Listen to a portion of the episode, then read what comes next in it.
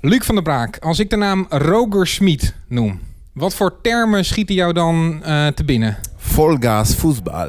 Gegenpressing. Gegenpressing. Meevoetballende keeper. Heel vaak gevallen natuurlijk. Wil je het daarover hebben vandaag, over meevoetballende keepers? Ook dat komt aan bod in, uh, in deze aflevering. We gaan het uh, volledig hebben over de tactische revolutie bij PSV. Onder Roger Smit dus. In uh, seizoen 4, aflevering 2 van de PSV-podcast. Het is een trainer die veel energie brengt in zijn teams. Aanvallend speelt. Heel snel de bal wil veroveren.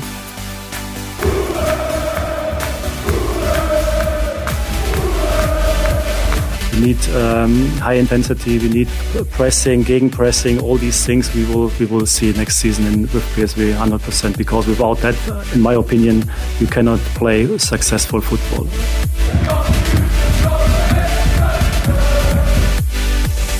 Met in deze aflevering Luc van der Braak. En natuurlijk ook Yannick Eeling. Ja, en we zitten aan tafel met een uh, enorme Schmid-watcher. Uh, Schmid-fan misschien zelfs wel. Uh, ja, hij heeft nog net geen poster boven zijn bed hangen, Pieter Zwart. verder natuurlijk tactisch meesterbrein, opstellingsgoeroe, analist van zo'n beetje alle cijfers in, in de voetbalwereld. En vooral ook hoofdredacteur van, van VI. Pieter Zwart, welkom in de podcast. Ja, leuk. Wat, wat schiet jou te binnen als je, als je het over Roger Schmid hebt? Ja, als ik het over Roger Smit heb. Nou, ik denk dat redelijk snel ga je terug natuurlijk richting die wedstrijd uh, tegen Ajax. Die uh, Red Bull Salzburg uh, destijds speelde. Omdat dat toch een beetje de kennismaking was met Roger Smit en het voetbal wat hij speelde destijds bij Red Bull Salzburg. Maar ook met zijn nou confrontatie die hij eigenlijk in dezelfde periode had met het Bayern München van Pep Guardiola. Waarbij Guardiola dermate ja, verbijsterd was eigenlijk door wat hij zag en door de problemen die zijn ploeg had op dat moment. Die gingen er met 3-0 vanaf in de oefenwedstrijd. Dat hij daarna nog verschillende keren is afgereisd naar Salzburg om te kijken hoe traint nou deze man en hoe speelt deze man.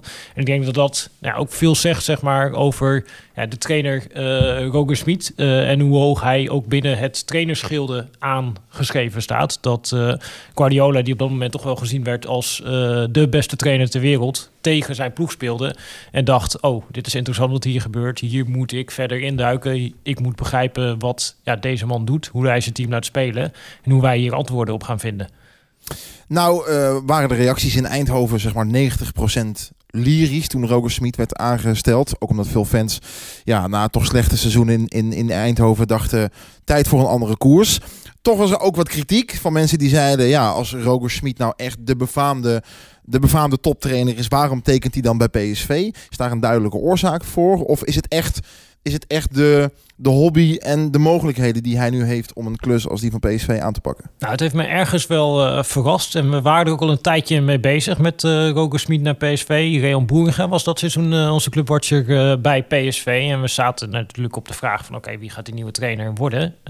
en er bereikte ons inderdaad geluiden van nou, Smit zou het misschien wel willen doen. we wisten ook nou, via netwerk bij andere clubs dat hij ja, heel veel andere opties had. Dus Premier League was voor hem een optie. AC Milan was hij gevraagd. Nou, allerlei clubs had hij nee tegen gezegd. En dan dacht je, oké, ja, PSV, dat zou misschien wel een beetje raar zijn als hij daar binnen zou stappen en als hij daar de grote kandidaat uh, zou zijn. En toen gingen we op een gegeven moment bellen met zijn zaakwaarnemer. En dat, dat was eigenlijk het eerste moment dat we dachten van... Ja, dit zou wel eens kunnen gaan gebeuren. Omdat die weigerde ieder commentaar te geven. En dat werd, Weet je vaak genoeg, hè? Nou ja, dan, dat is inderdaad een soort signaal dat je denkt... oh, dit is vreemd. Want nou, als er inderdaad niks zou spelen tussen PSV en Roger Smit... ja, dan zou je zeggen van... ja, nee, dat uh, is niet uh, aan de orde en fijne dag nog. Maar ja, het was geen commentaar. De rest deden ze allemaal enorm het zwijgen toe. En toen kreeg je zo'n gevoel van ja, uh, daar zit misschien iets. En toch ja, ja, we kregen er niet uh, rond, omdat ja, iedereen hield uh, zijn mond. En toen kwam uiteindelijk het nieuws dat hij ja, toch richting PSV ging. En ik denk dat dat ook vooral mee te maken heeft dat, nou, als je ook naar zijn carrière gaat kijken, wat hij graag lijkt te willen. En dat was uh, nou, ook een beetje zijn uitgangspunt toen hij wegging uit Duitsland, was naar de Premier League. Maar hij wil het liefst eigenlijk instappen in de Premier League bij een van de zes topclubs. En met zijn huidige cv komt hij daar gewoon niet binnen. Dus ik denk dat hij eigenlijk met name naar PSV gegaan is om, ja, om het kampioenschap te kunnen spelen, prijzen te pakken, zodat hij uiteindelijk hoger kan instappen in de Premier League dan nu het geval zou zijn. Want dan ja, neem je een degradatiekandidaat uh, over, ergens halverwege het seizoen. En dan ga je jouw uh, pressingstijl proberen te implementeren. Ja, de kans dat dat uh, heel succesvol gaat worden is toch wel ja, lastig. En zelfs als het enigszins goed gaat, zoals bij bijvoorbeeld Ralf Hazenhuisdoel bij Southampton op dit moment. Ja, dan nog is het niet zo dat een beetje aardige prestaties daarvoor zorgen dat je uiteindelijk dan de baan krijgt bij echt een van die topclubs. Dus ik denk dat hij ook naar PSV gegaan is met het idee van oké, je kan hier in Nederland uh, prijzen gaan pakken. En ja, vanuit daar mijn carrière weer een kickstart geven. Maar normaal gesproken is zo'n carrièreplanning iets voor, voor een speler. Hè? Uh, uh, een, een, tussenstap om daarna de stap naar de, naar de top te maken. Bij trainers komt dit toch niet zo heel vaak voor, Pieter? Nee, komt niet heel vaak voor. Nee, ik ken niet heel veel voorbeelden waar je, waar je dit uh, ziet. Meestal val je ergens op en dan uh, denkt een club: hey, we hebben nog een trainer nodig. Er is een vacature. Er zijn natuurlijk ook veel minder vacatures als uh, trainer dan als speler. Je kan altijd wel iemand aan je spelerselectie toevoegen, maar voor ja. de trainer is maar één plek. En ik denk dat zijn periode in China hem ook al geleerd heeft van nou, dat het hem ook niet meer zozeer gaat uh, om het geld, maar meer om het uh, project. En bij PSV, dat, daar, daar wijst natuurlijk alles nu ook al op, heeft hij wel de vrije hand gekregen om ja, die club naar zijn hand te zetten, die selectie naar zijn hand te zetten en daar ja, echt iets neer te zetten en echt met uh, voetbal bezig te zijn en ja, mee te doen om de prijzen. En als je gaat kijken naar goh, hoeveel clubs zijn er die eventueel Roger Smit wilden hebben, waar die echt mee kon doen om de prijzen, ja, dat zijn natuurlijk ook niet zoveel, ook niet uh, in het buitenland. Nee, op uh, 11 maart werd, werd Roger Smit uiteindelijk gepresenteerd bij PSV.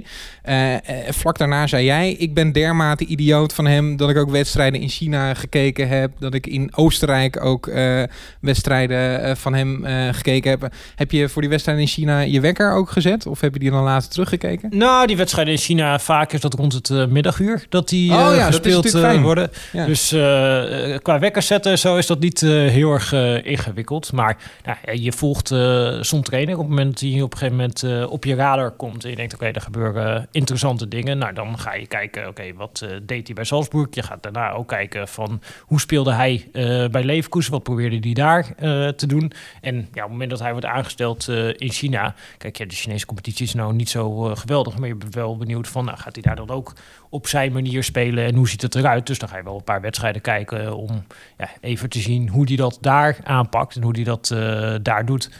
Ja, ja. Nou, PSV is natuurlijk een redelijk traditionele club. In de zin van, uh, daar moet niet te veel schoen omheen hangen. Hè. Brabanders doen het op hun manier. En daar moet vooral niet te veel aan getornd worden. Nu is er echt een omslag heeft er plaatsgevonden.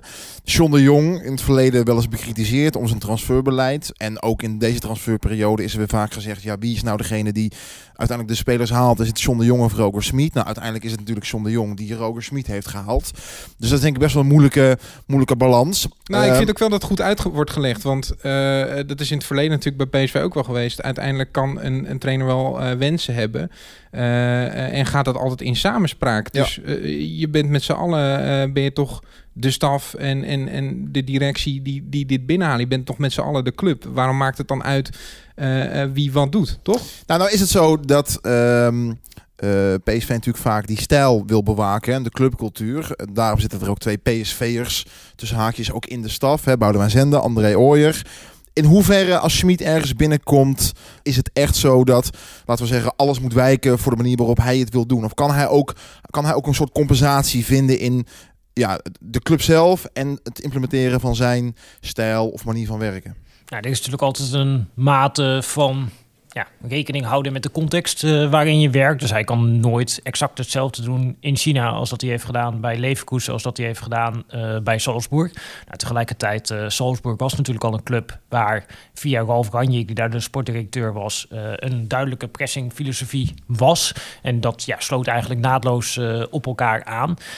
en Leverkusen is een club waar een pillenfabrikant achter zit, Bayer, die nou, heel erg zaten op wij willen het fitste team zijn met uh, jonge talenten in de Bundesliga, omdat het ook het visitekaartje zou kunnen zijn uh, voor ja, dat bedrijf. Dus er zat ook een enorme ja, medische operatie achter met allerlei trainers die ook vooral bezig waren om ervoor te zorgen dat die groep heel erg fit was. En nou, hij heeft natuurlijk ook een fitte groep nodig om zijn voetbal te kunnen spelen. Dus dat was ook op zich wel een redelijk natuurlijke match tussen hem en die club. En bij PSV zie je dat hij dan toch wel wat meer ja, heeft moeten veranderen. Is natuurlijk vorig jaar ook al veel discussie over geweest met uh, Mark Verboemel destijds nog, die ook bij die medische staf zo zijn vraagtekens had. Nou, dat was destijds blijkbaar een van de issues waarop het misging tussen hem en de club. Maar vervolgens is wel ja, eigenlijk die, geruisloos die hele medische staf vervangen en heeft Smit ook wel echt zijn eigen mensen mee kunnen nemen.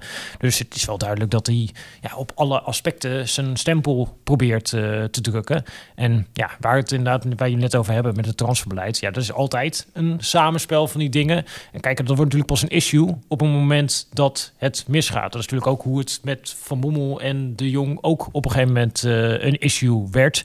Ja, als je dan uh, goed presteert en die spelers die gehaald worden, die presteren goed. Ja, dan uh, is iedereen blij en heeft iedereen daar zijn aandeel in. Maar op het moment dat het mislukt, zoals het bijvoorbeeld ging natuurlijk met de Australiërs die via het netwerk van Van Bommel gingen, maar later ook met nou, eigenlijk alles wat er vorig jaar in de transferzomer gehaald is, ja, dan ontstaat daar frictie over. En dat is natuurlijk hetzelfde nu met uh, Smit. Kijk, als uh, Max binnenkomt en dan geeft meteen een paar assists en iedereen ziet, oh, dit is echt de toegevoegde waarde. Of Sahavi die begint meteen te scoren.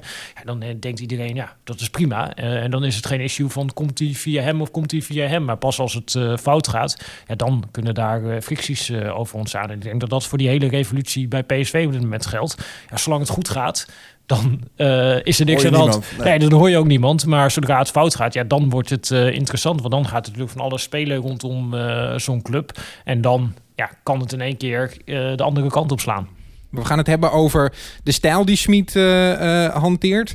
Ehm, zijn voetbalvisie, spelprincipes. Wat zijn de belangrijkste volgens jou, Pieter?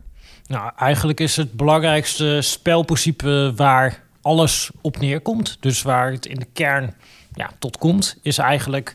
Nou, er zitten twee dingen. Uh, de, de basis is wat ze eigenlijk willen: het centrum afsluiten. Dus dat daar geen passingopties zijn voor de tegenstander. De tegenstander naar de zijkant dwingen en dan vervolgens daar een overtal creëren rondom de bal. Dus zorg dat je daar meer spelers hebt dan dat de tegenstander daar heeft. Zodat je hoog op het veld de bal kan veroveren en dan ja, direct een uh, counter uh, kan plaatsen.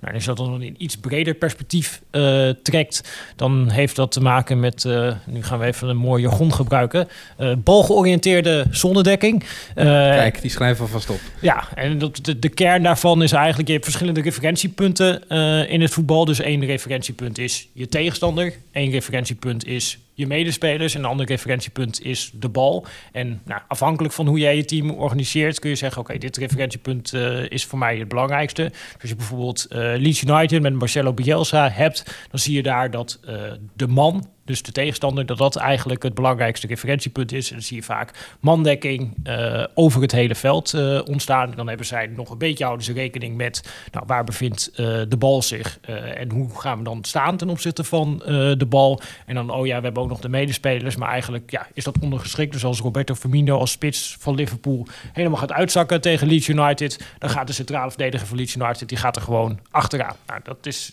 een extreme daarin. Nou, dan kun je het extreme hebben van uh, zonneverdediging. Dan kom je meer terecht bij echt Italiaanse teams. Dus dan uh, de periode bijvoorbeeld uh, van Sacchi bij AC Milan. Dat is echt klassieke zonneverdediging. Dan gaat het meer om... Nou, destijds was het echt met elastieken... dat dan spelers aan elkaar vastzaten... om de onderlinge afstanden te bewaken. En dat was echt ja, zonneverdediging waarvan je zegt... oké, waar mijn medespelers staan, dat is het belangrijkste. En ten alle tijden wil ik dat die onderlinge afstanden... tussen mijn medespelers ja, een bepaalde lengte hebben. Dus als de linksback uh, op de linksbuitenpositie staat, staat de linker centrale verdediger als linksback. En zo uh, vormt het elftal zich als een soort ja, organisme uh, op zich uh, over het veld. Een treintje inderdaad wat uh, over het veld beweegt en waarbij altijd nou, die afstanden tussen de spelers onderling hetzelfde zijn. Nou, en wat is dan het voetbal van Smit? Daar gaat het eigenlijk met name in eerste instantie over waar is de bal en hoe positioneer ik mezelf ten opzichte van waar de bal is. Nou, dan houden ze in tweede instantie rekening met waar zijn mijn medespelers en dan pas in derde instantie met ja, waar staat eigenlijk de tegenstander. Dus als je bijvoorbeeld het PSV nu druk ziet zetten op de linkerflank. En je gaat kijken hoe het veld staat uh, op de andere flank, dus uh, aan de rechterkant. Ja, dan zul je bijna altijd zien dat daar twee, drie tegenstanders helemaal vrij staan. Maar dat is ja, een bepaald risico waarvan hij bereid is om dat te nemen. Omdat hij weet dat als er goed druk wordt gezet, dat die tegenstander die bal niet naar die vrijstaande mensen op de andere flank kunnen krijgen. Nee, want dat is dan een moeilijkere bal. Dus de kans op balverlies is dan groter. Hè? Als ze hem over de hele moeten geven naar de andere kant van het veld. Ja, precies. Dat En is ze- wat hij probeert af te dwingen, toch? Ja, en hij maakt gebruik van nou, bepaalde ja, dingen waarvan je weet in het voetbal dat het altijd eh, zo is. Dus als bijvoorbeeld een rechtsback de bal krijgt, nou, in eerste instantie is dat vaak al niet de beste speler eh, in het team. Nou, eh, het tweede wat je weet eh, bij een rechtsback is, hij wordt beperkt door de achterlijn. Dus hij kan niet echt terug hoogstens naar de keeper. En het derde is, hij wordt beperkt door de zijlijn. Dus hij kan eigenlijk ook niet naar rechts. Dus het aantal opties dat hij heeft om de bal naartoe te passen, helemaal als er druk is op de bal. En hij hem ook niet makkelijk over de hele kan geven. Want daar heb je ja, bepaalde tijd voor nodig om die bal te kunnen geven. Ja, dan heeft hij een beperkt aantal opties. En als die opties eigenlijk allemaal afschermt en je zet fanatiek druk op de bal, dan heb je een grote kans om de bal te veroveren. En eigenlijk ja, dat hele spel van Smit, dat komt neer op deze kansberekening. Dat hij een bepaalde ja, gok neemt met als wij ons op dit moment op die manier organiseren, dan is de kans groot dat wij daar de bal kunnen gaan veroveren. Nou, was er toen Schmid aangesteld werd wat twijfels over of de selectie van PSV in die tijd, hè, heb ik het over eind vorig seizoen, geschikt zou zijn voor dit type voetbal. We zijn nu een paar maanden verder, er zijn wat spelers bijgekomen. Van iedereen hebben we wel een beeld. Denk je dat hij tevreden is met de selectie die hij nu op de been heeft? En laten we Gutsen en Van Ginkel even een beetje buiten beschouwing, omdat die nog niet direct inzetbaar zijn. En Gutsen is misschien ook meer een lucky shot dan dat hij daadwerkelijk drie maanden geleden op de lijst stond van deze moeten we per se hebben. Maar als je kijkt naar eh, hoe het middenveld verder eh, versterkt is met types als Sangaré bijvoorbeeld. Nou, voorin zijn de twijfels misschien wat minder groot. Maar als hij nu op de bank zit thuis, is hij tevreden met het type spelers dat hij nu eh, bij PSV ter beschikking heeft? Nou, wat wij weten via onze clubwatcher eh, Marco Timmer is dat hij eigenlijk graag ook nog een centrale verdediger had willen hebben. Nou, het idee was natuurlijk dat Baumkartel weg zou gaan richting uh, Fulham, wat uiteindelijk niet gebeurde. En dat er nog daarvoor een vervanger zou komen. Maar voor de rest heeft hij wel redelijk gekregen wat hij wilde. Dus hij wilde een ander type keeper. Dat was ook redelijk snel duidelijk dat eigenlijk al de keepers die in de selectie zaten van PSV, dat hebben wij ook vorig seizoen al geschreven toen je de selectie ging analyseren, van ja, dat die eigenlijk allemaal niet voldoen aan de manier waarop hij wilde spelen. Nou, hij wilde nou, backs hebben die mee kunnen in zijn speelstijl en dus de hele flank uh, kunnen bestrijken. Nou, Dumfries kan dat op rechts. Op links was ook al duidelijk, maar dat is bij PSV eigenlijk sinds Angelino weg is een uh, hoofdpijndossier. Rodriguez deed het even prima toen hij terug was. Nou, die bleef niet. Er moest linksback uh, komen. Nou, centraal achterin had hij graag nog uh, iets gedaan. Nou, op het middenveld wilde hij een dynamisch type erbij naast uh, Rosario. Nou, die heeft hij gekregen met uh, Sangaré. En ja, voorin had hij dus ook uh, zijn wensen. En die heeft hij dus deels ingevuld met uh, Sahavi en later natuurlijk uh, Gutsen nog. Dat, die achterste lijn vind ik wel interessant. Want ik denk dat ik namens vele PSV'ers kan spreken als ik zeg dat als je drie maanden geleden had gezegd dat het centrum zou bestaan uit These en Boskagli, dat dat niet, daar zou niet direct iedereen voor getekend hebben. Absoluut niet, nee. Van die twee is These misschien de, de meest pure verdediger. Hè? Boskagli is verdediger, maar uh, ja, Viergever heeft ook lang in dat centrum gestaan bijvoorbeeld. Er zijn puurdere verdedigers dan hij. Uh, zet hij hem daar neer omdat Boskagli voetballend de betere kwaliteiten heeft van alle centrale verdedigers die PSV nu heeft? En calculeert hij daar dan bij in dat dat misschien verdedigend af en toe net wat minder kan zijn? Rekent hij erop dat dan eerder in het spel de verdedigende mensen hun werk al doen? Of vindt hij echt Boskagli puur een betere voetballer dan bijvoorbeeld Timo Baumgartel of Viergever, wie we ook aanhalen? Nou, het heeft denk ik heel erg te maken met wat Boskagli brengt aan de bal. Ja. En nou, dat is een ja, principe wat ze in Duitsland uh, noemen de packing basis. Uh, en nou, dat is ook een, iets wat in data gevangen is uh, bij Leverkusen, ook in de periode dat uh, Smit daar zat. En dat is een ja, type paas waarvan trainers zoals hij die vaak willen ja, gespeeld zien hebben. En ja, dat heeft ook te maken met nou, hè, dat hele principe van uh, gegenpressing. Dus gegenpressing is eigenlijk, oké, we raken de bal kwijt... en we willen hem zo snel mogelijk uh, weer terug hebben. En dat is natuurlijk het succesvolste op het moment dat je dat dicht kan doen... in de buurt van het doel uh, bij de tegenstander. Dat je genoeg spelers achter de bal hebt, zodat het ook minder riskant is.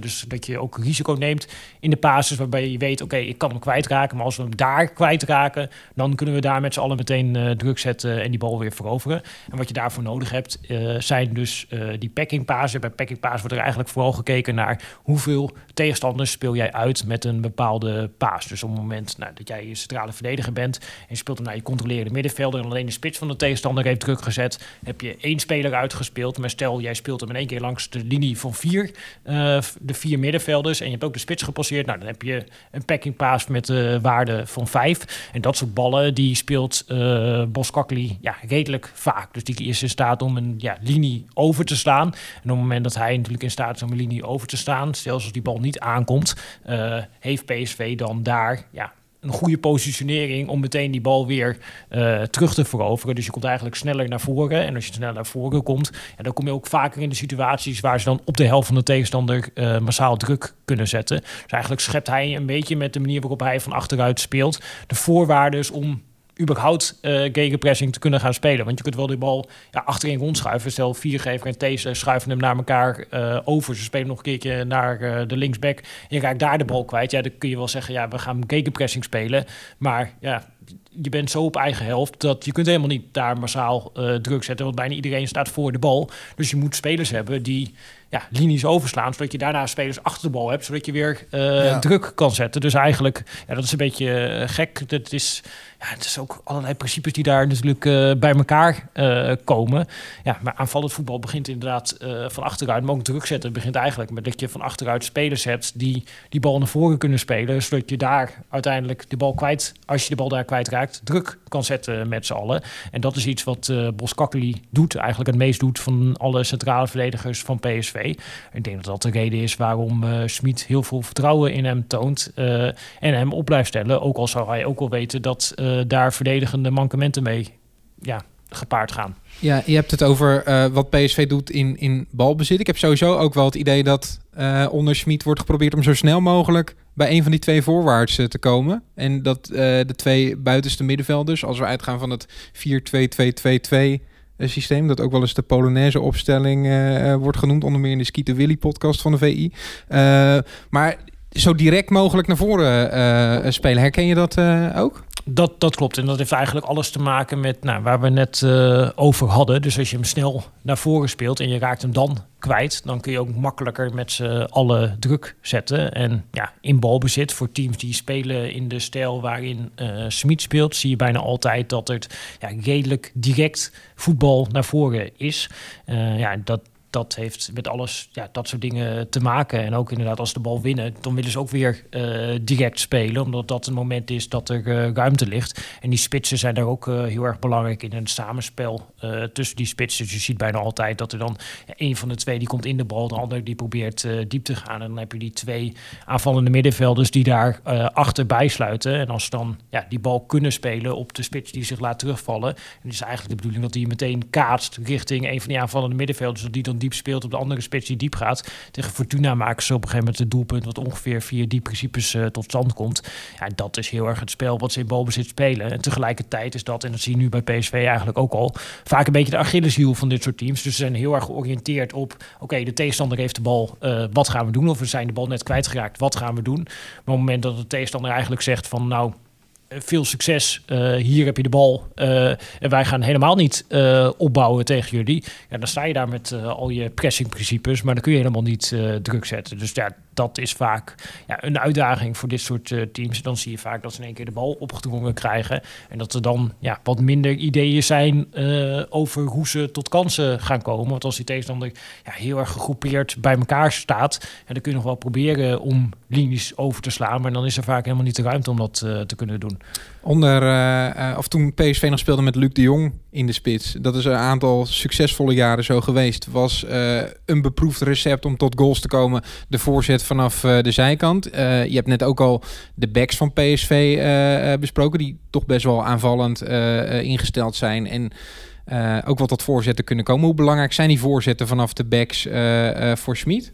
Ja, voorzetten niet per se heel erg belangrijk, maar waar het hem met name om gaat, er vaak enkele bezetting uh, aan de zijkanten. Nou, dat heeft alles te maken met dat ze dus dat centrum heel erg uh, willen controleren. Ook in balbezit, dus als inderdaad Boskakli die bal geeft direct richting de spits, dan wil hij dat die aanvallende middenvelders, dat die eigenlijk ja, daar al centraal meteen onder staan om vanuit daar een steekpaas uh, te kunnen geven. Dus die zijn niet heel veel aan de zijkanten te vinden, maar hij wil wel ja, bezetting, dreiging houden over die zijkanten. Ja, en daarvoor zijn die backs belangrijk, want die moeten daar uiteindelijk uh, overheen komen. Uh, en ja, uh, in gevaarlijke situaties komen. En ja, op een gegeven moment kunnen die natuurlijk ook een voorzet gaan geven.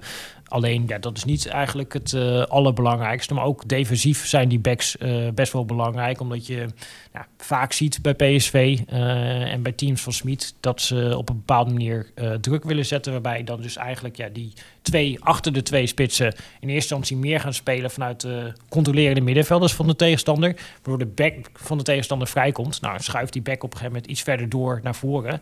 Dan gaat bij PSV op een gegeven moment ja, de back aan die kant uh, door op de bek uh, van de tegenstander. Wat natuurlijk ja, best wel veel vraagt uh, conditioneel van die spelers. En ook om dat ja, te herkennen wat het juiste moment is om vooruit te stappen. En als dan bijvoorbeeld Philip Max, als het op zijn flank gebeurt en hij moet door naar die rechtsback, dan moet op datzelfde moment moet Dumfries, die aan de andere kant staat, die moet er eigenlijk bij komen als een soort van derde centrale verdediger. Zodat daar niet al te veel ruimtes gaan ontstaan voor de tegenstander. En ja, dat lezen, die momenten herkennen en dan de juiste positionering hebben. Dat vraagt best wel heel erg veel van een back. En ik denk dat dat ook wel de reden is dat nou, daar bij PSV nu enorm in geïnvesteerd is met Philip Max. Dat je een speler hebt die dat systeem uh, een beetje kent. En die ook ja, de ervaring en de routine heeft om dat op een goede manier in te vullen. Want als die backs dat niet goed uh, herkennen en ze stappen dus of niet door naar voren, nou, dan heb je geen enkele druk. Dus dan uh, ja, loopt iedereen eigenlijk voor niks als die back niet op het juiste moment uitstapt. Maar als die back aan de andere kant niet op het juiste moment knijpt, dan klopt die verdedigende organisatie ook niet meer. Dus ja, die afstemming is zo ontzettend belangrijk. En die backs zijn er zo ontzettend uh, belangrijk in. Dat je daar gewoon goede spelers moet hebben. Anders wordt het echt een moeilijk verhaal. Hebben het veel over de verdediging. Um, de echte laatste man in de ploeg is natuurlijk de keeper. en als we het over PSV hebben, dan uh, kom je ook al snel bij de keeper natuurlijk. Um, vraag ook van een luisteraar, bijvoorbeeld Erik van Vonderen. Die vraagt, wat is dat toch, die overdreven focus op keepers die moeten meevoetballen? En waait het ook weer over? Um, is natuurlijk een vraag die onder veel PSV-supporters wel leeft. Het is natuurlijk ook zo dat die discussie nu heel erg is aangewakkerd doordat een Vogo echt een, een slecht, slechte start heeft gehad. Hè? Als die twee ballen er niet zo uh, in waren gegaan, dan was de discussie misschien ook minder aanwezig geweest. Maar kun jij dat, dat meevoetballende keeper, kun jij dat duiden? Kun je dat misschien uh, afzwakken? Is dat zo groot als we het nu allemaal in Nederland hebben gemaakt? Of wat, wat is zijn rol in, in dit systeem? Nou, het grappige aan de meevoetballende keeper, en dat is ook een beetje denk ik een misverstand wat daarover bestaat, is dat het belangrijkste niet eens het meevoetballen is, maar dat het veel meer gaat om datgene wat hij doet op het moment dat PSV aan het verdedigen is. Nou, eigenlijk een goede meevoetballende keeper uh, zorgt ervoor dat jij verder van je eigen doel uh, druk kan zetten. En dat het dus makkelijker wordt om dichter bij het doel van de tegenstander uh, de bal te gaan veroveren. Nou, als je wat verder uitzoomt naar de Europese top op dit moment. En je gaat kijken naar, nou god, wat zijn nou eigenlijk de meest succesvolle teams op dit moment. Dan kom je waarschijnlijk redelijk snel uit bij Paris Saint-Germain, bij Liverpool en bij Bayern München. Nou, als je gaat kijken wat zijn nou in de vijf Europese topcompetities de teams die gemiddeld het vers van hun eigen doel de bal veroveren, dan zijn dat Paris Saint-Germain, Bayern München uh, en Liverpool. Nou, als je gaat kijken wat daar uh, op doel staat, nou, dan is het bij Paris Saint-Germain met uh, na vast nog een keeper die dat wat lastiger vindt, maar zeker Alisson Becker en Manuel Neuer, nou, die zijn heel goed in eigenlijk ja, het verdedigen van de ruimtes voor het doel. Dus je ziet hoe die teams verdedigen. Als ze zelf de bal hebben, dan staan eigenlijk altijd al de centrale verdedigers die staan 10 of 15 meter voor de middenlijn. Nou, dat betekent dat daarachter een gat ligt eigenlijk van 55 à 60 meter. En dan moet jij een keeper hebben op het moment dat jij op deze manier wil spelen. Want de tegenstander kan het natuurlijk ja, lang uh, erachter gooien. En dan ligt daar nogal wat uh, ruimte. Dan moet je een keeper hebben die het aandurft om eigenlijk 35, 40 meter voor het doel uh, te gaan staan. Zodat de rest van de ploeg ja, daar zo agressief druk kan zetten. Zoals nou, die teams dat willen. Zodat zoals ook Smit dat zal willen bij PSV. Dus dat begint ermee dat jij een keeper hebt die dat durft. Want als hij dat niet durft, ja, dan kunnen ze die bal erachter leggen. Dan gaan ze sprinten. En ja, dan uh, kom je in alle mogelijke problemen. Dus hij is eigenlijk de eerste sleutel om daar uh, ja, die laatste lijn durft ook op een gegeven moment niet meer naar voren druk te zetten. Op het moment dat die keeper niet durft om verder voor zijn eigen doel te staan. Dus dat is eigenlijk het, ja, waar alles mee uh, begint. Als die keeper niet ver voor zijn doel staat. En als die keeper ook niet in staat is om, ja, als er een bal eroverheen valt, uh, die even op te vangen en onder druk ja, even weg te kappen en uh, weer een medespeler aan te spelen. Want dat is vaak maar één iemand die druk op je zet. Maar je moet er wel ja, comfortabel in zijn ja, dan heb je gewoon een groot probleem. En als je dat dan nu gaat plakken op de keepers die PSV had, dus nou, met name ook uh, Lars Unestal, ja, die was bij VVV Venlo natuurlijk met name goed op het moment dat hij echt op zijn eigen doellijn stond. Uh, als die nou, uh, bij een hoge bal moest uitkomen, dat was toch oncomfortabel. Maar als je hem 30, 35 meter voor zijn eigen doel zet, ja, dat durft hij uh, eigenlijk niet. En als hij dan niet durft, ja, dat durven die centrale verdedigers op een gegeven moment ook niet meer. En dan zakt het hele elftal op een gegeven moment verder naar achter. En weg is je hele idee van druk zetten. Dus dat druk zetten, dat kan pas op het moment dat de keeper durft om ver voor zijn eigen doel te staan. Nou, dat is dus eigenlijk het allerbelangrijkste aspect van de meevoetbal. De keeper heeft helemaal niks te maken met nou, wat hij daadwerkelijk met zijn voeten doet. Maar met name met ja, hoe goed is hij in staat om ja, die ruimtes achter de verdediging te bespelen. Nou, als je dan gaat praten over Mfogo, die heeft bij Young Boys gespeeld onder Adi Huter, wat ook een trainer is uit uh, de Red Bull school. En die speelde ja, ook op die manier, dus die is daar al heel erg uit gewend uh, ja, welke posities hij dan verdedigend moet innemen om ja, die enorme ruimtes die er liggen achter de laatste lijn te bespelen. En bij RB Leipzig heeft hij natuurlijk ook op die manier gespeeld. Dus die kent uh, dat systeem op zijn duimpje, die weet wat hij moet doen. Ja, dan heb je nog het kleine aspect inderdaad van ja, uh, PSV staat zelf onder druk. Uh, dat het ook fijn is om terug te kunnen spelen naar een keeper die dan ja, weer een bal naar voren kan spelen. Maar dan kom je eigenlijk neer op hetzelfde waar we net over hadden met uh, Boskakli.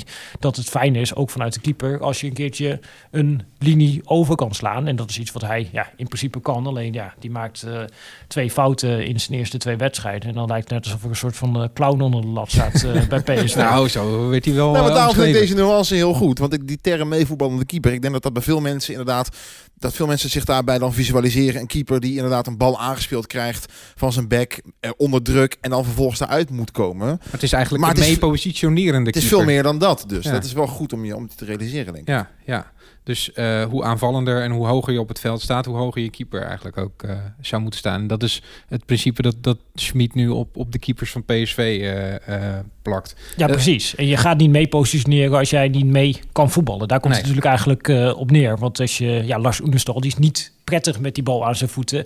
Ja, stel, die durft dan op een gegeven moment op 35, 40 meter te staan. Er valt zo'n bal overheen en hij neemt het daar aan op 35, 40 meter van zijn doel. En dan komt de spits op hem af om druk te zetten.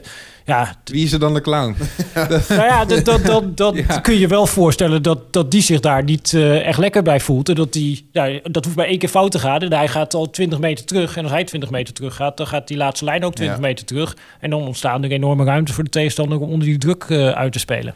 We hebben het nu over wat, uh, wat spelers specifiek komen nu langzaam uh, langs. Voordat we het over de, de aankopen moeten hebben, vind ik het wel interessant om eens uh, te kijken naar de selectie die, die Schmid had bij zijn aantreden en wat daarin is gebeurd. Want toen Schmid aantrad, werd er gezegd, bijvoorbeeld over iemand als Jorrit Hendricks, die nou, altijd ja, een soort haat-liefde verhouding heeft gehad, denk ik. Hè, onder supporters in ieder geval. Hè. De ene wedstrijd wel, de andere wedstrijd weer niet. Toen werd er gezegd van nou, in dat nieuwe systeem van Schmid dat zou wel eens de revival van Hendricks kunnen worden, omdat die dat spel aan zou kunnen. Doan werd het ook over gezegd, veel loopvermogen. Ja, uiteindelijk heeft dan bijvoorbeeld Hendricks die strijd toch min of meer dan verloren, lijkt het van Rosario. Hoe komt het dan dat hij dan toch niet kennelijk Smit genoeg kan overtuigen? Of ontbreekt het dan aan hele specifieke dingen, aan, bij bijvoorbeeld Hendricks, maar bijvoorbeeld ook een Doan inderdaad? Nou ja, Hendricks en Rosario, dat is inderdaad wel een uh, nou, interessant ding. Nou, dit komt denk ik voor een deel komt dat neer op waar we net over hadden, van ook naar voren spelen. Nou, dat is van allebei nooit de grootste kwaliteit geweest. En je zag dat Rosario dat op een gegeven moment in de voorbereiding meer begon op te pakken. En dat die nou, weer een beetje begon op te boeien. Meer risico in zijn spel durfde te leggen. Wat voor Hendricks blijkbaar wat moeilijker is geweest. Ik heb hem ook veel gezien op allerlei backposities. Ik heb zelfs nog rechtsback zien spelen in de ja. voorbereiding. Dus ja, die is ook een beetje door het uh, elftal gehusseld. Maar het was wel duidelijk dat, en dat is ook de manier waarop Smit eigenlijk altijd uh, gespeeld heeft, is dat dat hij daarvoor de defensie eigenlijk één echte verdedigende middenvelder neerzet. En dat hij daarnaast iemand neerzet die ja, wat grotere ruimtes bestrijkt en die ook uh, aanvallend uh, aansluit. Dus ja, het koppeltje Rosario Hendricks, kon al eigenlijk niet. Omdat dat een beetje twee dezelfde types zijn. Dus het was duidelijk, het wordt of Rosario of het wordt uh, Hendricks. En ja, redelijk snel, omdat Rosario het meer oppikte wat uh, Smit van hem uh, verlangde, ja, kwam die erin. Maar dat heeft ook heel erg te maken met ja, het afsluiten van ruimtes. Dus waar we net een paar keer over hadden, van wat ze willen, nou, die bal naar de zijkant. Op het moment dat die bal naar de zijkant gespeeld wordt, dan moet één van die twee controlerende middenvelders moet ook in die richting bewegen. En dan ontstaat er centraal voor de verdediging natuurlijk een gat. Uh, en dan moet die andere controlerende middenvelder, dan moet die ruimte in zijn rug dichten. En dat die afstemming, uh, dat is ontzettend belangrijk om dit systeem goed uh, te kunnen uitvoeren. Ja, en dat, dat zijn dan ook dingen waar je dan ja, in die eerste oefenwedstrijden nog allerlei ja, dingen in mis ziet gaan. Dat die ruimtes ja, niet op een goede manier uh, gedicht worden. En ik denk dat dat ook een beetje ja, een van de issues was met Hendricks. Dus dat hij aan de ene kant aan de bal minder bracht dan dat Smit eigenlijk van hem verlangde. En ja, dat hij ja, als tweede misschien het ook soms moeilijker vond. En dat heeft natuurlijk ook heel erg te maken met ja, hoe ben je als speler opgeleid? Hoe heb jij uh, tot dan toe gespeeld? Ja, durf jij dan op een gegeven moment daar uh, jouw ruimte te verlaten en druk te zetten op de momenten dat het moet? Of zit je half te twijfelen? Maar als jij heel even twijfelt, dan is eigenlijk dat moment vaak weg. Uh, en dan hebben ook al jouw medespelers voor niets die energie erin gestoken. En het zit waarschijnlijk in dat soort details dat hij dan uiteindelijk die concurrentiestrijd verliest van een Rosario. We hebben het over de ideeën van, van Roger. Uh, dan is natuurlijk de vraag... Wanneer zien we dat in zijn volledigheid terug in het elftal van PSV? We hebben nu de transferperiode gehad. En het eerste blok wedstrijden hebben we gezien van PSV. Vol gas voetbal. Nou, zeker niet in 90 minuten. Ik heb af en toe het idee dat dat vol gas gebeurt in de eerste versnelling en nog uh, niet in de vierde, vijfde, misschien zelfs bij een Duitse auto wel zesde versnelling. Um, hoe lang duurt dat, uh, Pieter, voordat je zo'n cultuuromslag uh, uh, ja, op het veld ziet? Ja, het gaat waarschijnlijk nog wel even duren. Dus je ziet bepaalde nou, ideeën en bepaalde organisatievormen. Dat kun je redelijk snel terugzien. In de fases voor wedstrijden zul je ook waarschijnlijk wel zien dat dat uh, goed uitgevoerd uh, kan worden. Maar nou, mede met conditionele opbouw zie je dat het niet drie keer per week lukt. Helemaal niet als daar nog uh, uitwedstrijden bij zitten. Dus nou, dat is een complexiteit. Hij heeft een heleboel nieuwe spelers natuurlijk gekregen. Die die ook nog moet inpassen. Nou, dat gaat ook weer allemaal extra tijd kosten. En ja, we moeten er ook een beetje voor oppassen dat nou, ze gaan op een gegeven moment wel een goede wedstrijd spelen waar het 90 minuten lang uh, dat je dat voetbal ziet. En dat is een moment dat je kan gaan denken: oké, het is nu uh, Hosanna in de Gloria. Uh, hij heeft het systeem weer in en alles komt goed. Maar eigenlijk begint het daar pas, want het wordt pas echt ja, spannend op het moment dat er ja, tegenslag komt en je komt een keer uh, op achterstand in een lastige uitwedstrijd. Uh, ja, en hoe gaan ja, spelers dan uh, reageren? dat is vaak ja, veel meer de complexiteit voor een trainer. Bijvoorbeeld Pepijn Leinders, die kwam binnen bij NEC. Nou, die probeerde daar ook die pressingstijl te installeren. Eigenlijk in één trainingskamp ja, in de winter. Nou, de eerste wedstrijd die hij speelde was tegen Go Ahead Eagles. Nou, die wonnen ze met 5-0. Nou, je zag het klassieke Liverpool pressing voetbal in één keer uh, terug uh, in Nijmegen. En mensen dachten, nou, ongelooflijk, hoe heeft hij dit nou uh, voor elkaar gekregen? dit, dit gaat een sensatie worden. En hij was al op het schild gezet. Maar als je naar, naar de data van toen ging kijken, dan zag je dat die spelers daadwerkelijk het dubbele aantal sprints deden van wat ze in een gemiddelde wedstrijd in de eerste seizoenshelft deden. Dus die belasting was fysiek veel meer. Nou, dan spelen ze drie dagen later weer een wedstrijd tegen FC Os. En dan blijkt eigenlijk dat die spelers niet in staat zijn om nog een keer uh, die hoge intensiteit uh, te brengen. Nou, dan kom je ook nog door een knullige fout achterin op achterstand. En dan ja, valt uh, in één keer een heleboel van dat wat ze wel kunnen. Of in ieder geval wat ze hebben laten zien van nou, we kunnen dat 90 minuten brengen tegen uh, Go Eagles thuis en we komen op voorsprong.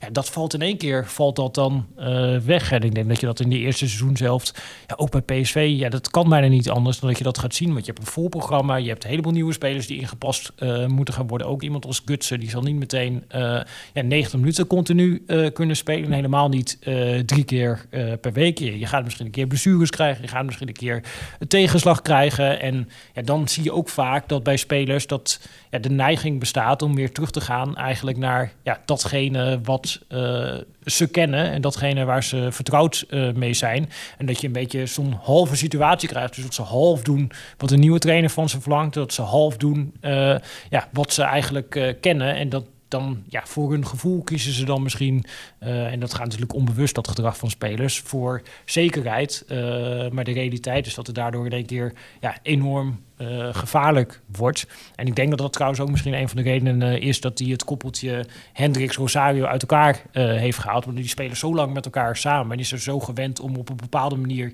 ja, die posities voor de centrale defensie in te vullen. Dat de kans natuurlijk groot is dat als je die met z'n tweeën bij elkaar zet, ja, die gaan misschien wel even doen wat de nieuwe trainer wil. Maar stel het gaat fout, ja, dan val je toch op een gegeven moment terug ja, zeker in periodes van onzekerheid val je terug op datgene wat je het uh, beste kent. Oude gewoontes. Ja, en dat, dat is denk ik het uh, risico bij uh, dit PSV. En ik denk dat je dat ook gaat zien, denk ik, in de eerste seizoen zelf. Dat je goede wedstrijden afgewisseld gaat zien met wedstrijden waarvan je denkt... nou, we zien eigenlijk niks terug van wat Smit ons beloofd heeft. Wat dat betreft is het wel fijn dat de toppers niet in de eerste seizoen zelf vallen. Dat die pas vanaf januari komen. Ik denk dat dat voor PSV zeker een voordeel is. En aan de andere kant zie je dat uh, bij teams die op deze manier proberen te spelen. Dus als je bijvoorbeeld uh, de periode van uh, Klopp bij Liverpool erbij pakt, zag je dat in de topwedstrijden het ze veel sneller lukte om dit spel op de mat te leggen dan ja, tegen mindere tegenstanders. En dat heeft eigenlijk ermee te maken dat die mindere tegenstanders op een gegeven moment denken van ja, nou ja, we weten dat jij die bal naar onze bek wil en dat jij wil dat wij onder jouw druk gaan uitvoetballen. Maar uh, goedemorgen, wij spelen gewoon uh, de lange bal uh, ja. en weg is jouw pressing trucje. En ja, dan moet je zelf het spel gaan maken. En dat wordt dan veel lastiger, waar je als PSV tegen Ajax gaat spelen, ja, dan kunnen ze de klok erop gelijk zetten, zodat die gaan proberen onder die druk uit te spelen. En dan heb je ook veel meer kans om op een gegeven moment die bal op de helft van de tegenstander uh, te winnen. En dan heb je veel minder de nadruk op je eigen balbezit en wat uh, daar uiteindelijk uh, in gebeurt. Dus nou, aan de ene kant is de voordeel voor PSV dat die toppers later komen. En aan de andere kant zou je misschien wel kunnen verwachten dat het voor PSV ja, makkelijker op een gegeven moment wordt om dat soort toppers te spelen dan wedstrijden waarin ze zelf gedwongen worden om het spel te maken. Omdat dat het aspect is waar nu ook in trainingen ja, minder de nadruk op ligt. Ik zag dat tegen Herakles ook al. Hè? De, de, strijd tussen de, de meester en de leerling tegen Frank Wormoed.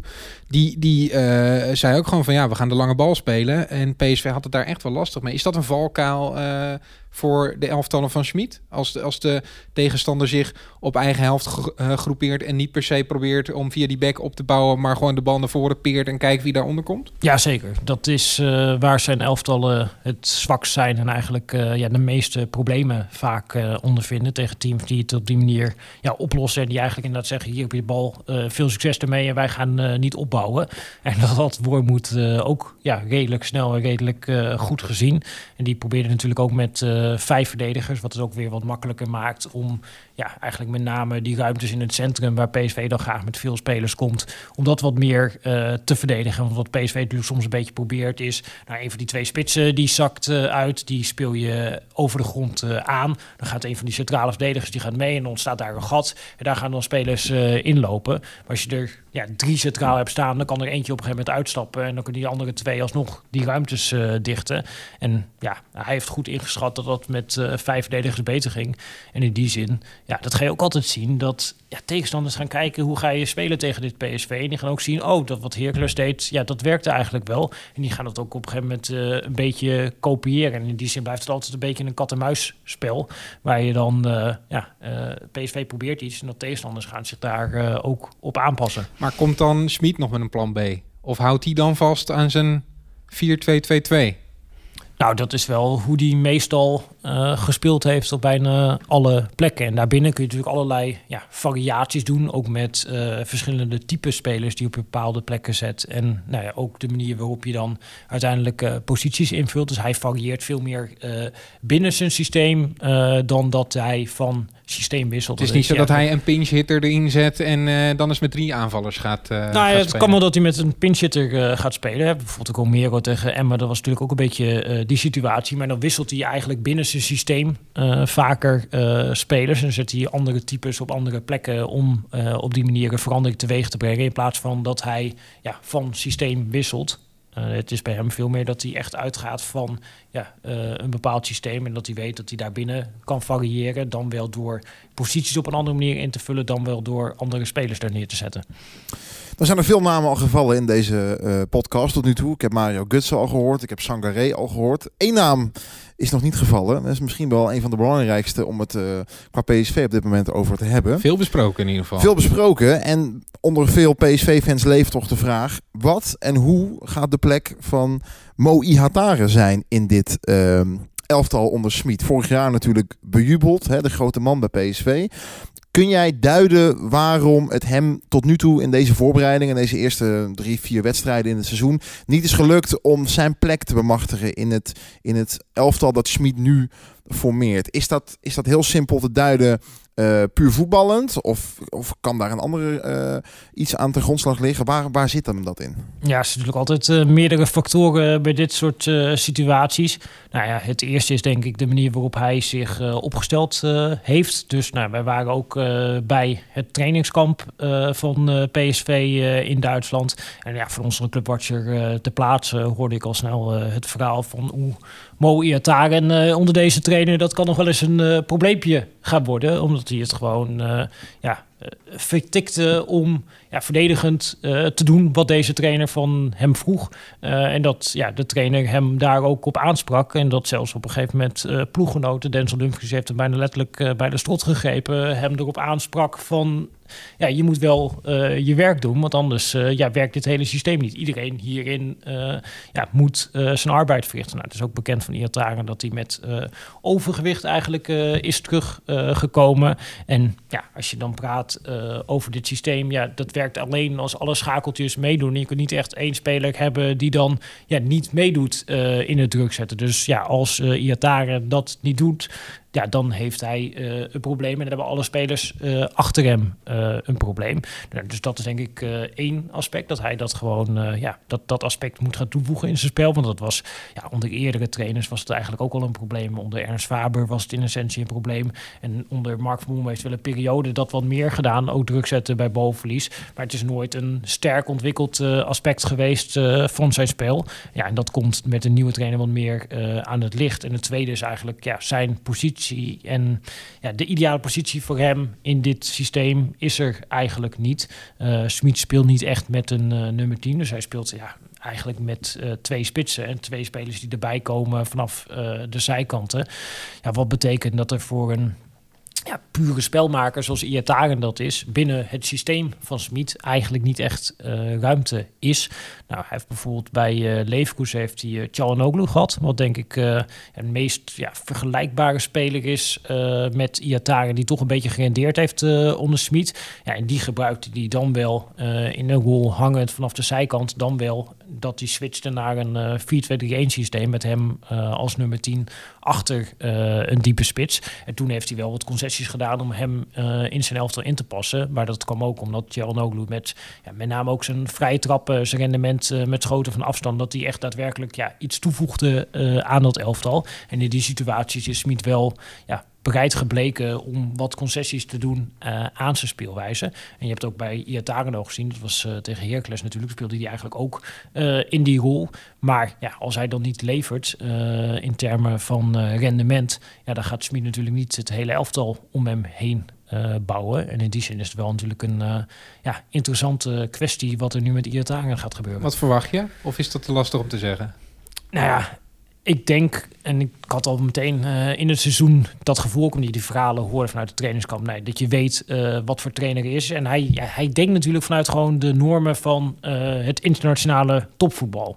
En het is bij hem dus niet van, oh ja, maar hij is heel getalenteerd en ik ga hem dan maar gewoon opstellen en dan neem ik op de koop toe dat hij bepaalde dingen niet doet. Nee, ik verwacht van iedereen dat ze bepaalde dingen doen en als je dat niet levert, dan kom je maar gewoon naast mij op de bank zitten totdat je dat wel levert. Nou, dat is gewoon ja, een andere maatstaf uh, die eraan hem wordt uh, gesteld. Maar is wel uiteindelijk de maatstaf die als Iataren nou zijn grote potentie wil gaan waarmaken. Ja, waar die ook terechtkomt in Europa. Bij iedere club zal van hem gevraagd worden wat uh, Smit op dit moment van hem vraagt. Namelijk dat hij verdedigend zijn arbeid doet. Dus ook wat Hakim Ziyech toen hij van Twente naar Ajax ging en met Peter Bos te maken kreeg. Ja, wat Peter Bos hem heeft uitgelegd. Ja, beelden laten zien van alle ja, topspelers uh, in de top op zijn positie. En ja, of je nou De Bruyne laat zien of David Silva... en je laat zien wat zij doen bij balverlies... ja, die overbruggen enorme afstanden. En met name in die paar tellen na zijn ze heel fanatiek om direct uh, druk te zetten.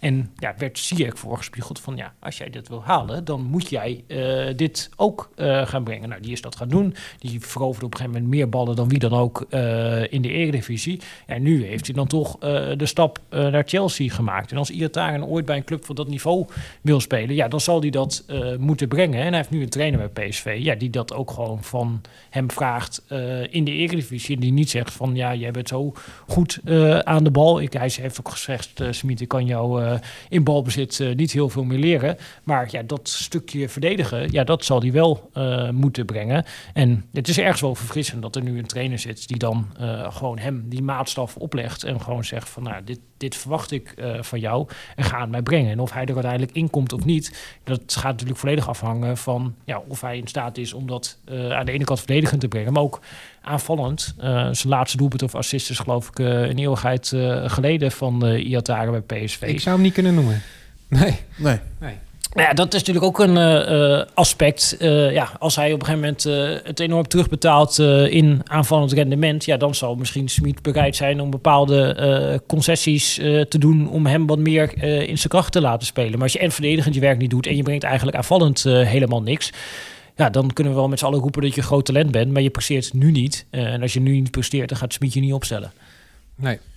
Ja, als we dan toch op dat middenveld zijn, dan uh, moet uh, de naam ook maar genoemd worden van Mario Gutsen. Je hebt hem eerder al een aantal keer aangehaald. Dat is toch waar de meeste PSV-fans benieuwd naar zijn. Wat gaat hij brengen? Wat kan hij doen? Hij heeft zelf gezegd, mensen moeten afscheid nemen van de oude Gutsen. Hè, de oude Gutsen van 22, het WK-doelpunt. Nou, we hoeven het allemaal niet uh, nog een keer te herhalen. Die bestaat niet meer. Ik wil toewerken naar de nieuwe Gutsen waar moeten mensen hem verwachten? Wat kan hij PSV brengen? Wat kan hij toevoegen? Ja, ik denk dat hij puur voor die vier offensieve posities uh, gehaald is. Omdat hij nou, met zijn ja, loopvermogen, of eigenlijk het uh, gebrek eraan dat zo'n positie controlerend uh, op het middenveld, waar je ook verdedigend enorm veel moet brengen in duelkracht en het belopen van afstanden, dat dat geen optie is. Nou, achterin gaan we hem ook niet terugzien, dus dan hou je ja, die vier posities voorin open. Nou, die posities aan de zijkant, uh, dat kent hij heel erg goed. Uh, omdat hij eigenlijk bij uh, Jurgen Klopp, onder Klopp bij Dortmund, op die manier gespeeld heeft. In die periode was het vaak vanaf rechts. Heeft ook wel eens dat vanaf links ingevuld. En hij was eigenlijk best wel bedreven, zeker in het begin van zijn carrière, in ja, die stijl. Hij speelde vaak aan de rechterkant met dan achter hem Bender en Pisek. Wat natuurlijk twee ervaren spelers zijn die nou, hem daar ook wel in konden ondersteunen waardoor hij niet de hele tijd waar hij niet zo goed in is, is ja, achter zijn bek uh, aanlopen de hele wedstrijd. Dan uh, ja, is hij binnen no time uh, totaal los. En dan heb je niks aan Gutsen. Maar waar hij wel heel erg goed in is, is eigenlijk nou, dat principe wat we net beschreven. Even bij die controlerende middenvelden staan. Die paaslijn eruit halen. Die bal gaat naar die bek. En dan dat korte, felle sprintje maken richting die bek. Daar was hij ontzettend goed in. In zijn periode bij Dortmund. Hij veroverde toen ook heel veel ballen. Dus dat waren er vijf à zes per wedstrijd als buitenspeler. En dat was ook de periode dat hij het gevaarlijkste was met kansen creëren vanuit open spel. Omdat dat zijn de momenten, dan kan hij zijn intuïtie volgen in de kleine ruimte met zijn techniek. En dan ziet hij vaak oplossingen die anderen niet zien. Uh, en dan ligt er ook wat ruimte om op een gegeven moment uh, die steekpaas te geven. Of om in de kleine ruimte met de dribbel zichzelf vrij te spelen. Dat, dat zijn eigenlijk momenten dat Gutsen het meest in zijn kracht komt. Maar als je gaat kijken naar het laatste echt succesvolle seizoen van Gutsen. En ook ja, wat dan toen de nieuwe Gutsen was. Dat was als valse nummer 9 bij Borussia Dortmund. Die speelde toen uh, 4-2-3-1 uh, onder de toenmalige die zit er eigenlijk nog steeds. De trainer uh, Lucien Favre. En ja, in die 4-2-3-1 was hij ja, de spits die er eigenlijk uh, veel uitbewoog. Achter hem speelde Royce, dus die kon er dan inkomen als schaduwspits. En had je vanaf de vleugel had je Pulisic, Larsen vaak vanaf links. en aan de andere kant Sencho, wat natuurlijk hele snelle spelers zijn. En ja, de truc was toen een beetje bij Dortmund van ja, Guts beweegt uit de spits, trekt een tegenstander met zich mee. En dan komen die snelle jonge jongens, die komen ja, in de punt van de aanval uh, opduiken. Nou, dat is ook een rol die er zou kunnen spelen bij PSV. En wat wel interessant was in die periode bij Dortmund was dat Paco Alcacer, uh, ja, een meer jonge spits, uh, een meer snelle, doelgerichte spits. Dat was een beetje de backup voor Guts. Guts hield het vaak een uur, 65 minuten hield hij het vol. En dan in die periode kwam in één keer uh, Alcacer erin. En je zag dat heel veel Duitse teams het daar moeilijk mee hadden. Omdat die centrale verdedigers, die zijn zich natuurlijk de hele wedstrijd aan het instellen op... oh, Gutsen beweegt eruit, wie pakt hem op? Uh, en ja, je komt dan in een bepaalde ja, modus eigenlijk uh, terecht als verdediger. En dan in één keer kwam Alcacer erin, die juist de ruimte achter die verdediging uh, ging zoeken. In plaats van dat hij inzakt uh, daar in het middenveld. En je zag dat die Alcacer in die periode ontzettend veel scoorde als invaller. Mensen vroegen zich in ook af waarom die niet uh, in de basis stond. Maar dat had er wel heel erg te maken dat hij veel scoorde. Met dat ja, Gutsen in eerste instantie eigenlijk die verdedigers van de tegenstander programmeerden uh, tot een bepaalde manier van verdedigen. En dat dan een heel ander type erin kwam. En ja, dus ik denk dat er met Gutsen best wel wat opties zijn. Dus je kunt hem aan die zijkanten neerzetten, dan wel links, uh, dan wel rechts. Omdat die, ja, die korte, felle sprintjes. En als dan in zijn rug dat goed gecompenseerd wordt door goede spelers, dan kun je hem op die manier uh, benutten. Maar je zou hem ook als valse negen kunnen gebruiken. En dan heeft PSV natuurlijk vanaf de bank met ja, Madueke misschien dat Malen een keertje vanwege fitheid op de bank zou beginnen. Misschien zijn Havi een keertje op de bank. Dat je dan een heel ander type voor hem uh, erin kan brengen. Dat dan ja, de dynamiek verandert. En dat dan ja, die frisse speler vanaf de bank uh, het verschil kan maken. En zeker met de vijf wissels die je natuurlijk nog doen dit seizoen in de Eredivisie. Ben ik ook al benieuwd uh, of we dat een aantal keer gaan terugzien bij PSV. Dat Kuts start op een bepaalde plek. En dat die er op een gegeven moment uh, gedurende de tweede helft vanaf wordt gehaald. En dat dan het hele spelbeeld uh, verandert. Omdat een tegenstander in één keer met iets anders rekening moet houden dan een zwervende gutsen. Hij werd in zijn uh, tweede seizoen in Oostenrijk, uh, Pieter, kampioen. pakte hij ook de beker. Ook in China duurde het een tijdje voordat hij zijn eerste prijs pakte. Was ook de beker. Denk je dat het ook echt wel opstarten is en, en dat het gericht is op dat tweede seizoen? Hij heeft ook voor twee seizoenen getekend, uh, Roger Smit. Ze zullen dit seizoen natuurlijk al uh, willen oosten. Maar het is natuurlijk ook wel ja, redelijkerwijs te verwachten dat ja, die selectie is pas heel laat eigenlijk uh, rondgekomen bij PSV. En eigenlijk ja, begint de voorbereiding voor Smit nu pas. Dus nu pas kan hij eigenlijk met echte selectie gaan werken waarmee hij wil gaan werken. En ja, met ook nog een dubbel schema met uh, Europa League wedstrijden op donderdag. Ja, is de kans natuurlijk best wel groot dat PSV een nodige averij gaat oplopen. Misschien in de eerste seizoenshelft al. En dat je op een gegeven moment in de achtervolging zal moeten. Dus ja, het gaat logischerwijs gaat het tijd kosten. En de vraag is of ze dan ja, of het snel genoeg op de rit staat om daadwerkelijk de titel te kunnen pakken. Ja, dat, dat is een uh, kwestie uh, van afwachten. Maar nou, een van de grote voorspellers van ja, succes in het voetbal is ook een bepaalde stabiliteit uh, in de selectie. En als je dan dat legt op het huidige PSV, ja, dan is natuurlijk best wel veel veranderd. Andere stijl, andere trainer, andere spelers. Ja, dat, dat kost tijd. en ja, als het dan bij andere ploegen sneller staat, dan kun je in één keer op een achterstand staan die je nou, later in het seizoen kan opbreken. Maar het kan ook zijn inderdaad, waar we het net over hadden, van dat ze een aantal goede wedstrijden gaan spelen. Dat je denkt, oké, ja, dit staat. Dat er dan tegenslag komt. Of er komt een blessure op een cruciale positie. En dat je dan in één keer uh, een terugval ziet. En dat is een beetje ja, hoe het gaat natuurlijk met een uh, leerproces. Ja, je gaat op een gegeven moment progressie zien. Maar je gaat ook daarna weer een terugval zien. Ja, nou heeft hij dus meerdere bekers gewonnen. Hij gaat nu spelen voor de Europa League. Zegt niet gelijk dat hij hem pakt. Maar uh, is de stijl Roger Smit ook niet ideaal om zeer incidenteel hele goede wedstrijden te spelen. En dan bedoel ik, uh, als je na de winter nog steeds in de Europa League zit en dan echt uh, sterke tegenstanders gaat treffen, zou daar ook niet enorm veel mogelijkheden voor PSV liggen? Nou, dat denk ik wel. Eigenlijk met wat we net ook bespraken over topwedstrijden. En wat je ook ziet bij andere teams die op deze manier spelen. Dat het ja, heel lekker is om je in te kunnen stellen op een bepaalde tegenstander. dan ja, te trainen hoe je daarop druk wil zetten. Dat je op een gegeven moment ook nou, de mogelijkheden hebt om daarin te variëren. En dat je dan een tegenstander ja, kan verrassen. Omdat ze vaak in hun eigen competitie niet heel vaak teams tegenkomen die op deze manier druk durven te zetten. Zeker de goede teams. Hè, die komen met name teams tegen die ja, wat verder uh, inzakken. En ja, Liverpool was ook uh, succesvol al ja, in de Champions League voordat ze echt succesvol werden in de Premier League. En ja, in die zin kun je dat eigenlijk ook wel verwachten van PSV, dat misschien tegen die sterkere tegenstanders het sneller goed is dan dat het eh, tegen de wat mindere tegenstanders in de Eredivisie is. Ja, en voordat het stabiel is, eh, kan het dan even duren. Er is nog een vraag binnengekomen van ene Mark Versteden, ons wel bekend. Ook een van de makers van, eh, van de PSV-podcast. Die zegt, bij vorige clubs duurde het soms wel anderhalf jaar voordat die gegenpressing erin zag. Dat zagen we bij Klopp en Liverpool ook. Je, je noemt het net al. Is er in het huidige Nederlandse voetbal wel genoeg ruimte voor het ontwikkelen van een team voordat iedereen weer verkocht is? Want ja, de houdbaarheidsdatum van spelers verstrijkt snel. En we hebben de jaarcijfers van PSV ook gezien. PSV is afhankelijk van een paar flinke uitgaande transfers uh, in een seizoen. Uh, hoe denk jij daarover? Ja, dat is natuurlijk uh, lastiger in Nederland. Dat als jij op een gegeven moment het team hebt staan en het uh, werkt, dat dan je selectie leeggeplukt uh, wordt. Dat is natuurlijk wat Erik ten Hag bij Ajax ook eigenlijk ieder jaar meemaakt. ziet het nu ook bij AZ gebeuren, waar dan met Oussama Idrissi in één keer een belangrijk ja, element uit het spel wordt uh, weggehaald. En dan ja, kun je eigenlijk weer opnieuw beginnen met uh, puzzelen. Dus natuurlijk, ja, dat maakt het uh, ingewikkelder. En ik denk ook wel dat... En ik denk dat het best wel lastig gaat worden voor Smit... dat er is natuurlijk ook een bepaalde en mensen willen graag zien dat Smit uh, gaat falen. Dus hij komt vanuit Duitsland hier naartoe. Nou, hier in Nederland vinden we niet allemaal heel erg leuk uh, als dan ja, iemand een uitgesproken filosofie heeft. En dan ja, ook zegt dat dingen anders kunnen dan dat we het in Nederland altijd gedaan hebben.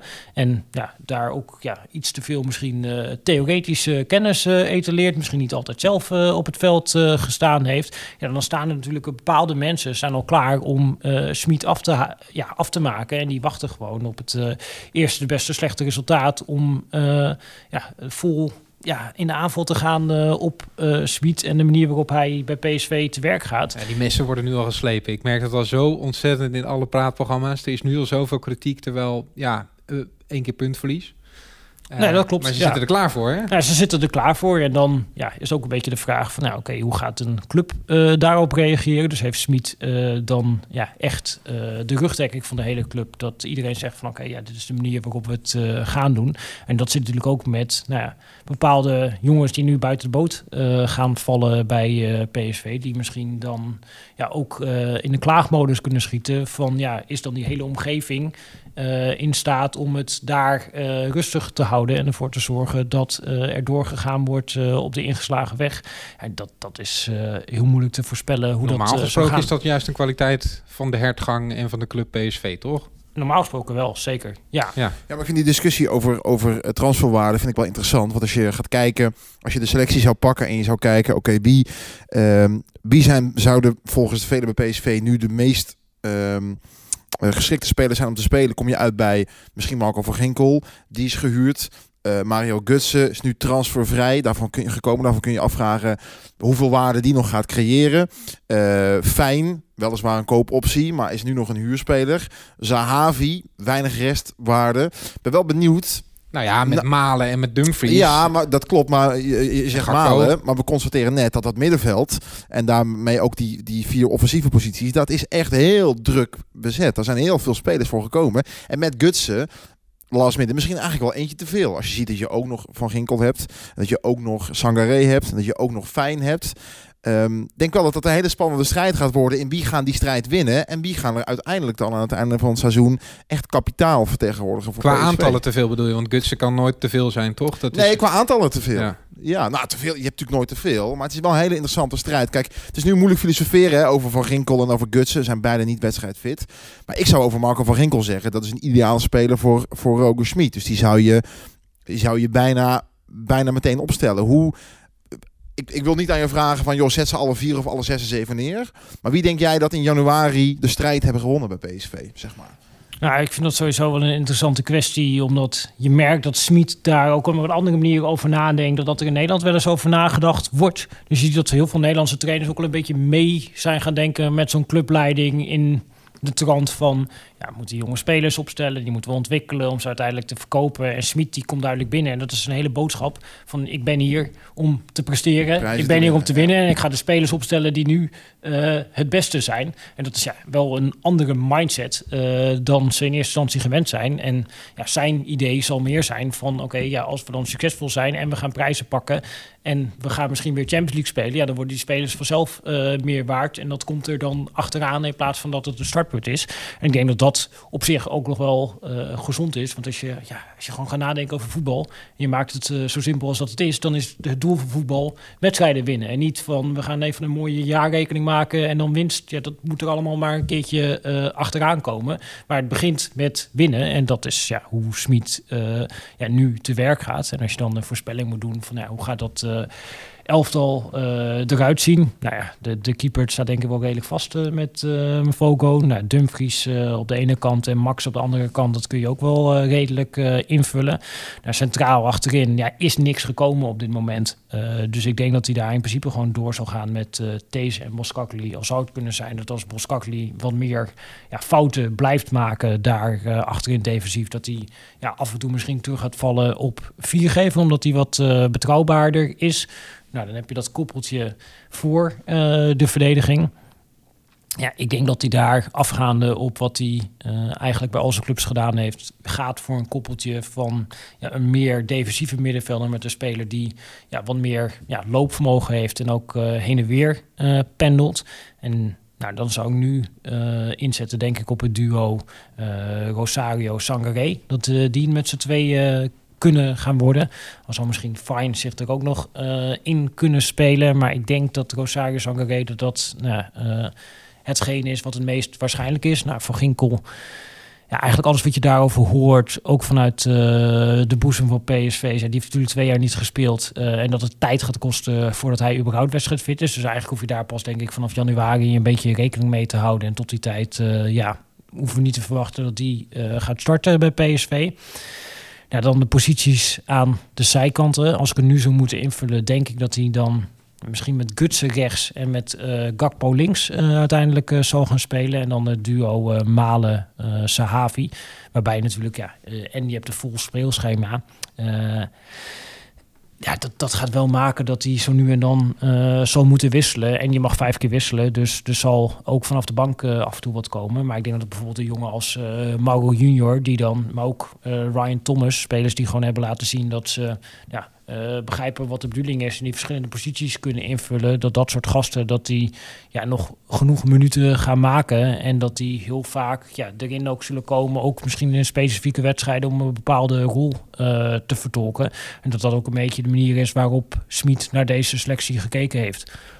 Nou, uh gaat hij ook een keer weg. Het is misschien wat vroeg om het daarover te hebben, want hij is er net. En daarom uh, maken we deze podcast ook. Maar wel interessant, want PSV kiest dan voor zo'n cultuuromslag. Uh, Roger Smit wil de Europese top halen, wil misschien een keer naar de Premier League. Stel, die kans komt er over twee jaar wat moet een club als PSV dan? Want ga je dan weer uh, eenzelfde soort trainer aanstellen? Of ga je dan weer een andere cultuuromslag teweeg brengen? We weten dat PSV ook in, uh, in ieder geval het jeugd, hoogste jeugdelftal ook in dit systeem aan het, uh, aan het spelen is. Wat verwacht je daarvan? Dat is wel een hele interessante. Eigenlijk als je het in de hele breedte bekijkt, transferbeleid, selectiebeleid, de manier van spelen, inderdaad ook in de jeugdelftallen, zie je dat alles nu geënt is op de koers uh, Smit. Nou, dan is ook de vraag als hij weggaat van gaat hij succesvol weg? Dus heeft hij zijn kampioen gemaakt en gaat hij door de voordeur weg? Of ja, werkt het project uh, niet? Nou, in dat laatste scenario, dan kun je natuurlijk in de opportunistische voetbalwereld de klok erop geleid zetten dat uh, het hele concept Smit overboord ja. gaat en dat PSV weer een nieuwe filosofie gaat vinden. Ja, is hij wel succesvol? Ja, dan ja, zit PSV natuurlijk een beetje in een spagaat. Want ga je dan een ja, soort van Smit-kloon proberen te vinden... die dan Euroshopper Smit krijg je dan. ja, die dan die ideeën uh, gaat voortzetten. Of ga je juist kijken naar... Goh, uh, hoe kunnen we nou datgene wat we hebben... hoe kunnen we daar weer uh, iets aan toevoegen? En ik denk dat als PSV verstandig is... dat ze meer kijken naar... oké, okay, dit is wat Smit ons nu gebracht heeft. Wat is de volgende stap? En hoe kunnen wij een trainer vinden... die ons die volgende stap kan laten zetten? En ik denk dat wat dat betreft de huidige trainer van Borussia Mönchengladbach, Roos... dat dat ook wel een ja, mooi voorbeeld daarin is. Hij was op een gegeven moment trainer van Red Bull Salzburg onder 19. En een tactiekblokker van het uh, blog Spielverlagerung. Uh, nou, die keek naar dat team en die zag dat ze verdedigend heel goed georganiseerd waren. Die schreef een uitgebreide analyse daarover, inclusief een toevoeging. die jongen heet René Maric. Ik heb ook wel eens met hem om tafel gezeten. En als die over voetbal gaat praten, nou, dan na drie minuten denk ik, ik begrijp helemaal niks van het spelletje. Nou, als jij dat zegt, dan, ja. dan wil dat zeggen, wat zeggen, Pieter. Nou ja, precies. Maar ja, die uh, ja, schreef dus uh, die blog en die, kreeg, die trainer kreeg het op een gegeven moment uh, onder ogen. En eigenlijk werd er in die blog uitgelegd van wat hij aanvallen nog zou kunnen toevoegen, waardoor zijn team nog beter zou worden, omdat ze dan ja, in balbezit ook wat meer zouden kunnen brengen. Nou, die heeft toen destijds hem uitgenodigd bij Red Bull Salzburg van goh, laten we eens over voetbal praten. Die dacht, hey, dit is interessant, dit is een element ja, wat, wat meer ontwikkeld kan worden binnen ja, mijn filosofie. Ik haal hem bij uh, de staf. Nou, het eerste jaar dat ze samenwerkten, wonnen ze meteen met z'n tweeën de Youth League. Daarna is hij trainer geworden van Salzburg 1. Een paar keer kampioen geworden afgelopen jaar met uh, Gladbach. Uh, de Champions League gehaald. Ja, en dat heeft er mede mee te maken dat zij in balbezit extra stappen zijn gezet. Omdat hij daar specifiek iemand voor binnen heeft gehaald. En eigenlijk heeft bijvoorbeeld Jurgen Klopp een beetje hetzelfde gedaan met Pepijn Leinders. Die dan nu een nog belangrijke rol heeft gekregen. Omdat hij met zijn achtergrond in het Portugese voetbal, in zijn achtergrond in het Nederlandse voetbal, weer wat ideeën heeft over ja, balbezit, om dat uh, toe te voegen aan dat spel. En ik denk dat als ja, PSV slim is, dat ze een trainer binnen gaan halen als Smit vertrekt en Smit succesvol is geweest, die nou, de defensieve uitgangspunten van zijn filosofie begrijpt, maar daar in balbezit wat extra's aan toe kan voegen. Jeroen Engelhard op Twitter, die uh, opperde nu al om Pepijn Leinders voor die periode aan te trekken. Terwijl Ruud van Nistelrooy natuurlijk wel de kroonprins binnen PSV is. Maar dan is de vraag, uh, mocht het project Smit succesvol zijn, is hij dan degene om, om dat project verder voort uh, te zetten? Ik ben er wel heel benieuwd naar hoe dat, uh, hoe dat gaat. Het valt natuurlijk nu nog niet te voorspellen, maar... Van Nistelrooy hoor je trouwens wel goede verhalen over. Ook vanuit de jeugdopleiding, dat hij met name ja, zijn leergierigheid, dat hij daar heel erg opvalt. Nou, dat had hij natuurlijk ook al als speler met de schriftjes die hij bijhield. Ja, maar ja, ook als jeugdtrainer, kijk, er komen natuurlijk ook wel ex-spelers binnen waarvan je dan nog redelijk snel verhalen hoort dat ze nou ja, op een gegeven moment uh, om half elf een keertje kunnen komen binnen shocken en dan eigenlijk zoiets hebben van uh, het zal allemaal wel. En die daar vooral zitten omdat ze ex-speler zijn en dat ze een baantje toegeschoven krijgen, maar daar niet het maximale uit proberen te halen.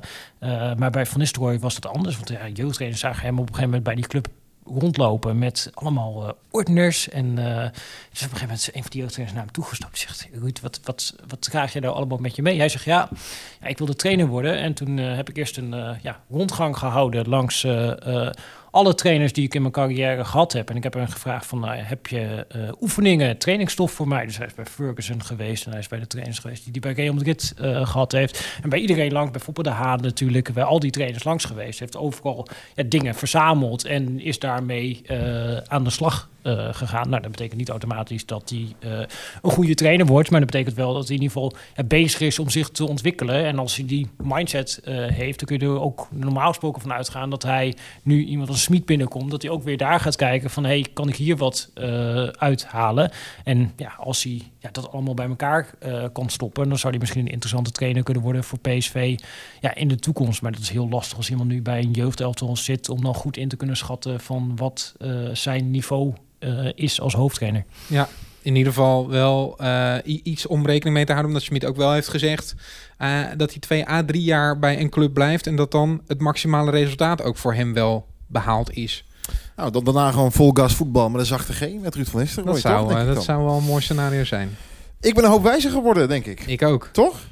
Ik, ik, ik heb er ook nog meer zin in gekregen in, in de periode Schmid. En dat had ik al uh, op het moment dat hij werd aangesteld.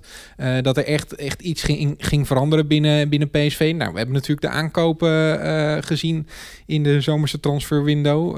dat is allemaal veelbelovend. Dan is nu de vraag, wanneer gaan we het echt zien? Laten we hopen snel, toch? Ik hoop het ook. Pieter, dankjewel. Graag gedaan. Ga jij nu ook vaker PSV kijken? Of ga je nu op zoek naar de nieuwe trainers in de Oostenrijkse Bundesliga en in de Chinese competitie?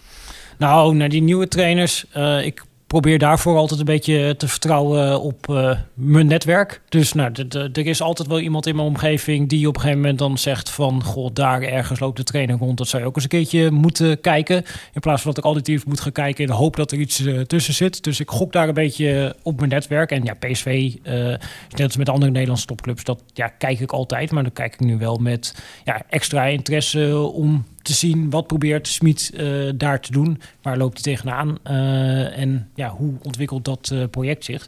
Ja, dat prikkelt wel meer de gedachten dan dat er ja, bijvoorbeeld de trainer als Ernest Faber nog had gezeten die wat meer op de winkel past. Ja, ben heel benieuwd. Wij verwijzen nog even naar, je noemde hem al de Skeeter Willy podcast natuurlijk, gemaakt door VI. Ook alles over PSV te horen daar. En, ja. Met uh, Björn van der Doelen. Mocht je Björn, deze ja. En met Marco Timmer. Met Marco Timmer, ja. zeker. De clubwatcher van, uh, van VI. Uh, mocht je deze podcast willen waarderen met vijf sterren... of wat je beter vindt passen bij deze podcast... dan ben je ook van harte welkom. Abonneer je ook vooral. En geef via onze sociale kanalen... via Instagram, via PSV, podcast op Twitter... ook vooral door waar we het in een volgende PSV-podcast over moeten hebben. Want we zijn erg geïnteresseerd wat er, wat er leeft. en, en we maken graag specials zoals deze over uh, Rokersmied. Tot de volgende aflevering van de PSV Podcast.